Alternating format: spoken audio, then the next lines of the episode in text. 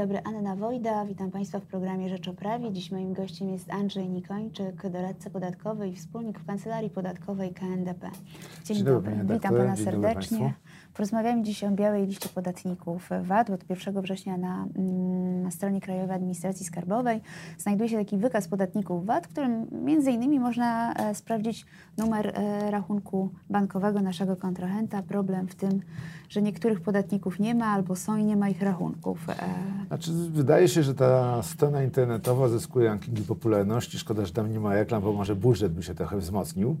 E, dlatego, że każdy próbuje się znaleźć w wykazie podatników VAT-czynnych. Ja jestem w tej szczęśliwej sytuacji, że jestem i mój rachunek jest. Natomiast Ale ja znam przypadki e, z redakcji, że nie ma. Tak, tak jak przeglądałem, to jestem przerażony jakby liczbą osób, które nawet jeśli są, to nie mają rachunków. Z kolei znajduję na tej liście też e, podatników, o których wiem, że wyrejestrowali się kilka lat temu, już zakończyli działalność gospodarczą, ale funkcjonują tam jako podatnicy niezarejestrowani.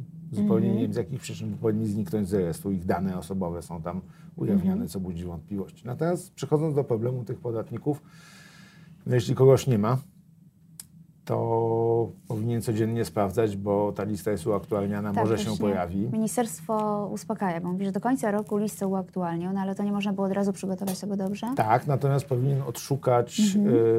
e, swoje dokumenty rejestracyjne i potwierdzić, że jest podatnikiem zarejestrowanym. Pytanie, czy sprawdzał się w poprzednim wykazie, tak, i czy tam był, bo to zwiększa szanse na bycie w poprzednim. Ale jak mówi Pan, że powinien potwierdzić, że jest podatnikiem zarejestrowanym, to w Urzędzie Skarbowym powinien potwierdzić, czy Znaczy swojemu odnaleźć dokumenty, mieć pewność, że się zarejestrował. Mieliśmy parę sytuacji, jak wszedł plik JPK, że podatnicy, Mhm. którzy działali na rynku jako podatnicy VAT, okazało się, że e, nie dopełnili rejestracji, często Mhm. świadomie, często zlecili to komuś, kto tych e, formalności po prostu nie dopełnił. Więc No niektórzy zakładali odnaleźć... rachunki bankowe, Tak. banki miały wtedy rejestrować, chodzi- okazywało się, że Chodziło mi bardziej o odnalezienie dokumentów Mhm. potwierdzających rejestrację, że, że kiedyś one były.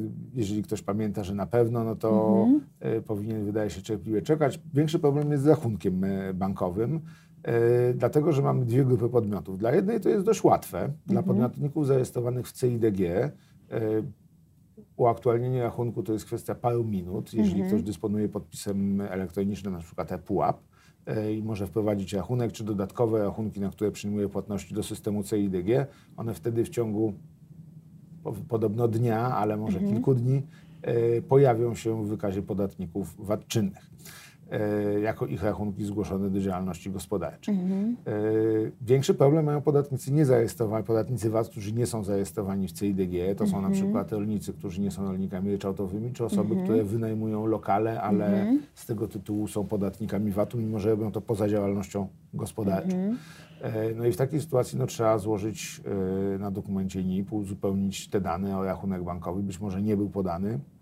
To też u niektórych podatników e, może być to problem, dlatego że ktoś może być podatnikiem VAT, może mieć nieruchomość prywatnie, e, ale nie prowadzi działalności gospodarczej i bank nie założy mu rachunku rozliczeniowego, bo chyba, że na jakieś jego szczególne życzenie, tak? dlatego że on nie prowadzi działalności gospodarczej w rozumieniu prawa przedsiębiorców, nie podpada pod te sankcje i ograniczenia związane z białą listą, bo to nie jest transakcja na rzecz przedsiębiorcy. Przedsiębiorcą jest tylko w rozumieniu e, podatku VAT, ale musi się liczyć z tym, że będzie musiał to kontrahentowi wytłumaczyć, bo tam księgowość dostanie fakturę za najem lokalu z VAT-em, zobaczy, że kontrahenta nie ma na liście, a płatności miesięczne mogą być większe niż 15 tysięcy złotych, już nie mówiąc, że przy umowie najmu raczej wszystko wskazuje na to, że powinniśmy liczyć roczne.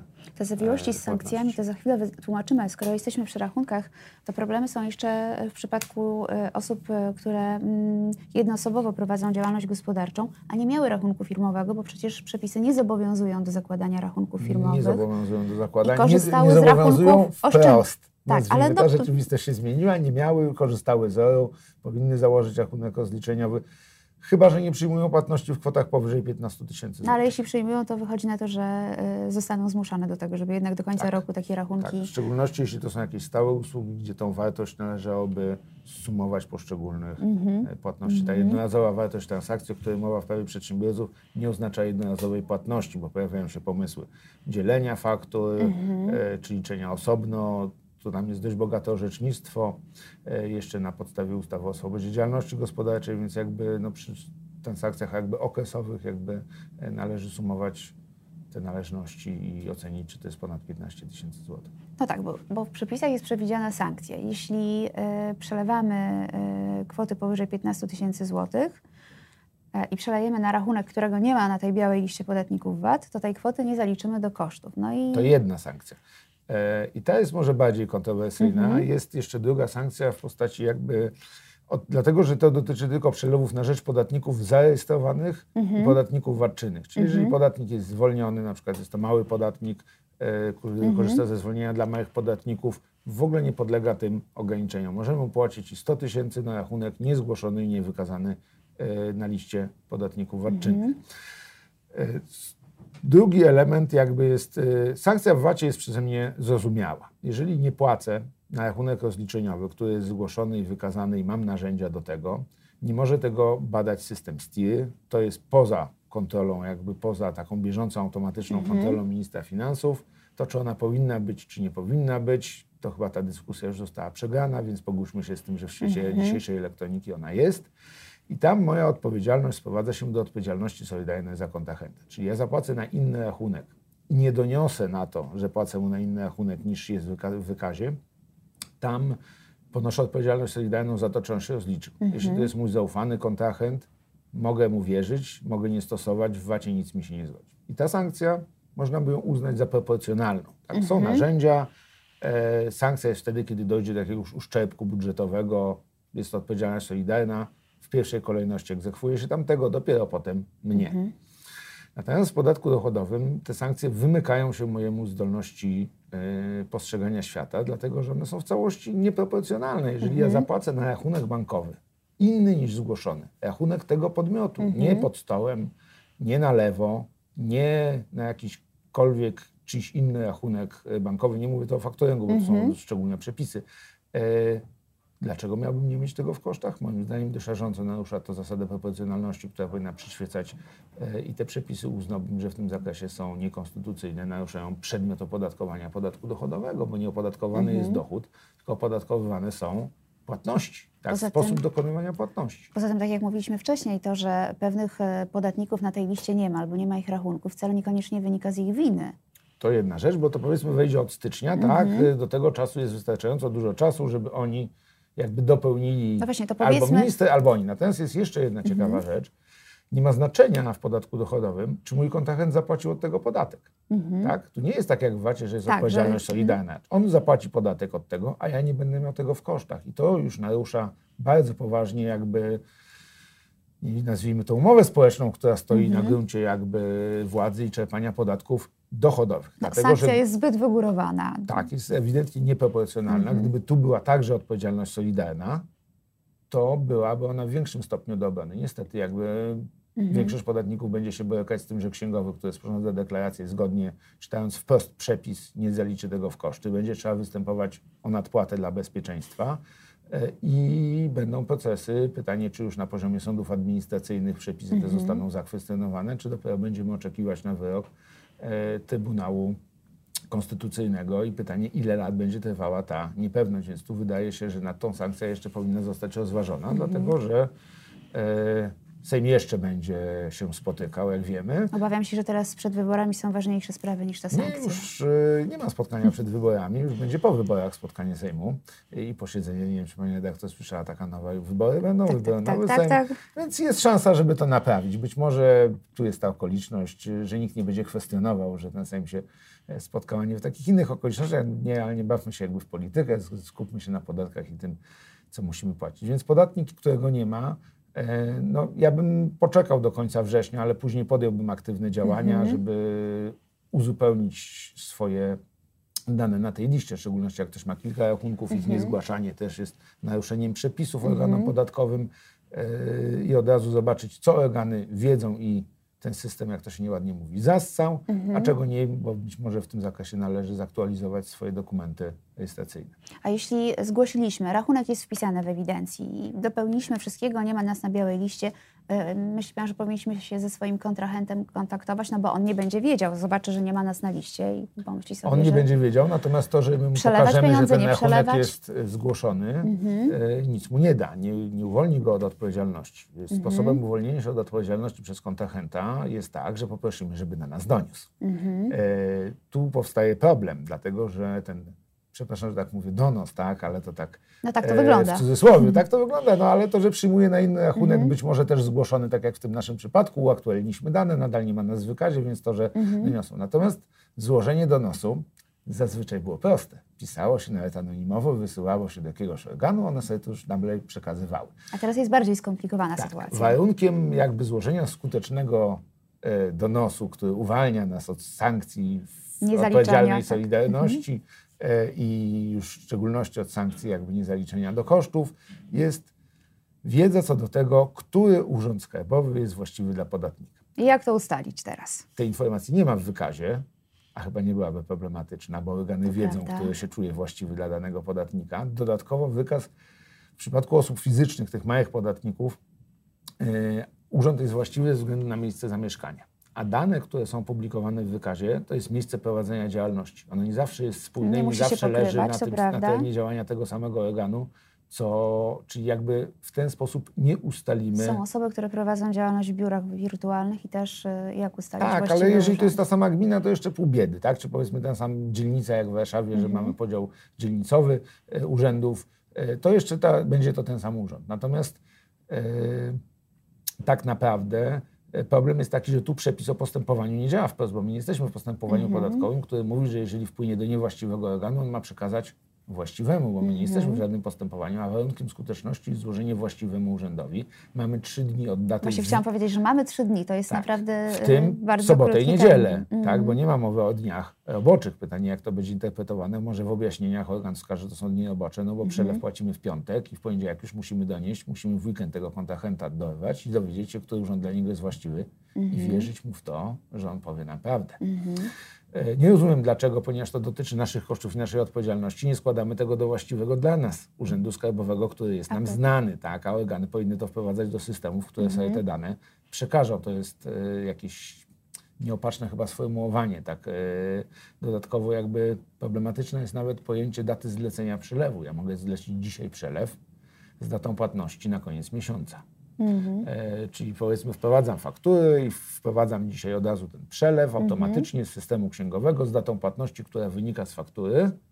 Pytanie, co jest datą zlecenia przelewu? Mhm. Czy data, w której ja go zlecam bankowi, żeby wykonał go z dniem 30 Czy data, września, przelew... czy data, kiedy ten przelew schodzi. Mhm.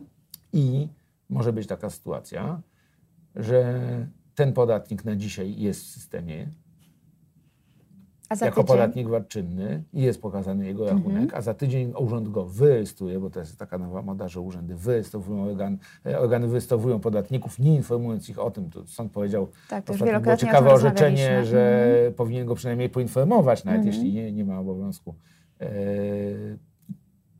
e, który wynika z przepisów, e, on zostanie wyrejestrowany w momencie, w którym będzie Mhm. schodził przelew. Wtedy jest w sumie dobrze, bo on jest niezarejestrowanym podatnikiem VAT-czynnym i nie musimy sprawdzać tego rachunku. Ale czy tak będą korzystały z tego organy, bo w momencie dostarczenia on był zarejestrowanym podatnikiem VAT-czynnym, a dla podatników niezarejestrowanych, przynajmniej z tego, ci, którzy zostali wykreśleni, z tego co ja patrzyłem w tym systemie, nie udało mi się znaleźć żadnego podatnika, który nie jest zarejestrowany i dla którego podawano by rachunek bankowy. Mhm. Mimo, że wcześniej, jak gdyby był zarejestrowany, to pewnie ten rachunek jest organowi znany. Znany. Więc wydaje mi się, że z chwilą, gdy on staje się nieaktywny, to znika ten rachunek bankowy, albo w ogóle ta dana nie jest wprowadzona do systemu, więc ja nie będę mógł sprawdzić, czy jak płacę komuś po 60 dniach, a on w międzyczasie zakończył działalność albo został wyrejestrowany przez urząd, czy płacę i czy ja płacę podatnikowi VAT czynnemu, bo on był VAT czynnym, gdy mi dostarczał, czy ja płacę, bo on już dzisiaj nie jest zarejestrowany według systemu, płacę podatnikowi, który nie jest zarejestrowany. No, służby księgowe w firmach będą miały co robić na pewno w najbliższym Szczególnie czasie. tam, gdzie są kontrahenci zagraniczni, bo tutaj się zaczyna Mhm. kolejna zabawa, dlatego że jeżeli ci podatnicy są zarejestrowani do VAT-u, to ministerstwo mówi, że podlegają tym przepisom, w tym w zakresie rachunków zagranicznych. Mhm. E, Jeżeli nie są e, zarejestrowani, to jest ok, bo jest tak jak było. Tak? Mhm. Problem, jeżeli firma jest zarejestrowana do VAT-u, ale mi o tym nie mówi, bo ja mam kontakt z centralą tej mhm. firmy i kupuję coś na przykład z Niemiec. E, I nie wiem, że ta firma ma jakieś stałe miejsce prowadzenia działalności i jest zarejestrowana w, Polsce. Polsce. I teraz jak znajdę nawet po nazwie, że ona jest zarejestrowana i znajdę tam rachunek bankowy, to może być to rachunek bankowy tego oddziału, a nie tej centrali, a mhm. oni mi nie zwolnią towaru, jeśli ja zapłacę gdzie indziej na ich rachunek do innego kraju. I tu są takie rzeczy, które podatnicy jakby w wdrożeniu czekają na objaśnienia i liczą, że te objaśnienia pojawią się przed tym, zanim te przepisy będą musiały być tak stosowane z sankcjami. No, pytanie, czy tak będzie. A swoją, Obietnice są, że tak. A swoją drogą wydawanie tych objaśnień stało się taką nową tradycją. Ministerstwo wydaje do wszystkiego po kolei już objaśnienia, które z tego, co y, do tej pory się zdarzało, nie zawsze objaśniają wszystko. Czasami budzą sprawę bardziej skomplikowaną, szczególnie w trudnych przypadkach. W prostych przypadkach stanowią jakąś pomoc, to nie można powiedzieć. Co prawda są takie, na które uczestniczyliśmy jako strona społeczna w konsultacjach w zakresie bonów mhm. w zeszłym roku to była naprawdę duża liczba spotkań, dużo godzin, objaśnień do dzisiaj się nie doczekaliśmy. E, więc tu mam nadzieję, że będzie inaczej, bo powiem tak, rzeczywiście to praktyka jakby stanowienia przepisów mhm. i objaśniania ich, czyli piszemy, co nam wyszło i mówimy, jak chcieliśmy. To jest na przykład przy split paymencie ta kwota 15 tysięcy złotych, czy to jest mhm. równo 15 tysięcy, czy od. Oczywiście ostrożnościowo stosuj, zalecamy stosować od 15 tysięcy mhm. złotych, bo to jest kolejna sprawa, która będzie taka głośna Budziła. i będzie budzić duże emocje. E, o tyle te objaśnienia jakby w dużej mierze podatników dają pewien komfort, tak? bo mhm. wiele sytuacji odnajduje się w objaśnieniach i można zrobić tam jak się chce. To nie są kwestie, które wpływają często na wysokość podatku. To jest najciekawsze, że to nie wpływa na dochody budżetowe, nie wpływa na obciążenia podatkowe, mhm. ale stanowi pole ryzyka. Bo tam, gdzie to są kwestie stawkowe i minister może coś stracić, tam rozumiem, że są spory. Natomiast spory o pewne rzeczy, kiedy wysłać zawiadomienie, donos, jak zapłacić, żeby nie stracić, gdy budżet nic na tym nie straci, tak jak gdy nasz mhm. kontrahent się rozliczył dochodowo, a my mamy nie mieć kosztów, bo coś nie zadziałało w systemach, budzi mój taki opór wewnętrzny tego mhm. typu jakby legislacja, jakby pewne rzeczy trzeba było nadrobić. Ostatnie wyniki jakby publikowane raport Unii Europejskiej w zakresie luki podatkowej pokazuje, że w latach 2016-17 spadła ona o ponad 6% z mhm. poziomu 20 do 13,7 w Polsce. Jakby efekty są tych działań. Te działania w sytuacji, gdy jest pożar, to wiadomo, że nie dbamy o każdą filiżankę, tylko łapiemy dzieci i uciekamy z domu i tu można zrozumieć pewne działania, ale jakby yy, ta metoda legislacji chyba z nami tak zostaje, tak? mimo że ten mhm. pożar już został opanowany w jakimś znacznym stopniu. I to... Czy jesteśmy powoli przyzwyczajani do, do Znaczy już nowej może sytuacji. my nie, bo my się nie przyzwyczajamy jako przedsiębiorcy i podatnicy. Ciężko nas będzie do tego przyzwyczaić, do życia w chaosie tak? Y, i w takim, że czytamy projekt przepisów, potem czytamy objaśnienia, w ogóle już nie wiemy o co chodzi. Natomiast Niepokojące jest to, że prawodawca jakby przyzwyczaił się do tego, że można pewne rzeczy robić na szybko, i wprowadzać tak, a potem naprawić sprawę objaśnieniami. I to jest e, ten stan, którego nie jest oczekiwany. On może być tolerowany w sytuacji, tak jak mówię, jakiegoś pożaru, tak, można powiedzmy przymknąć oko, gdy wiemy, że ten element y, się skończy, tak, natomiast czekamy, aż on się skończy. No, Oby tym razem te objaśnienia były szybko. Serdecznie dziękuję Panu za rozmowę. Dziękuję bardzo. Państwu również e, dziękuję. Moim gościem był Andrzej Nikończyk, doradca podatkowy i wspólnik w Kancelarii Podatkowej KNDP. Zapraszam Państwa na kolejny program już jutro o 13.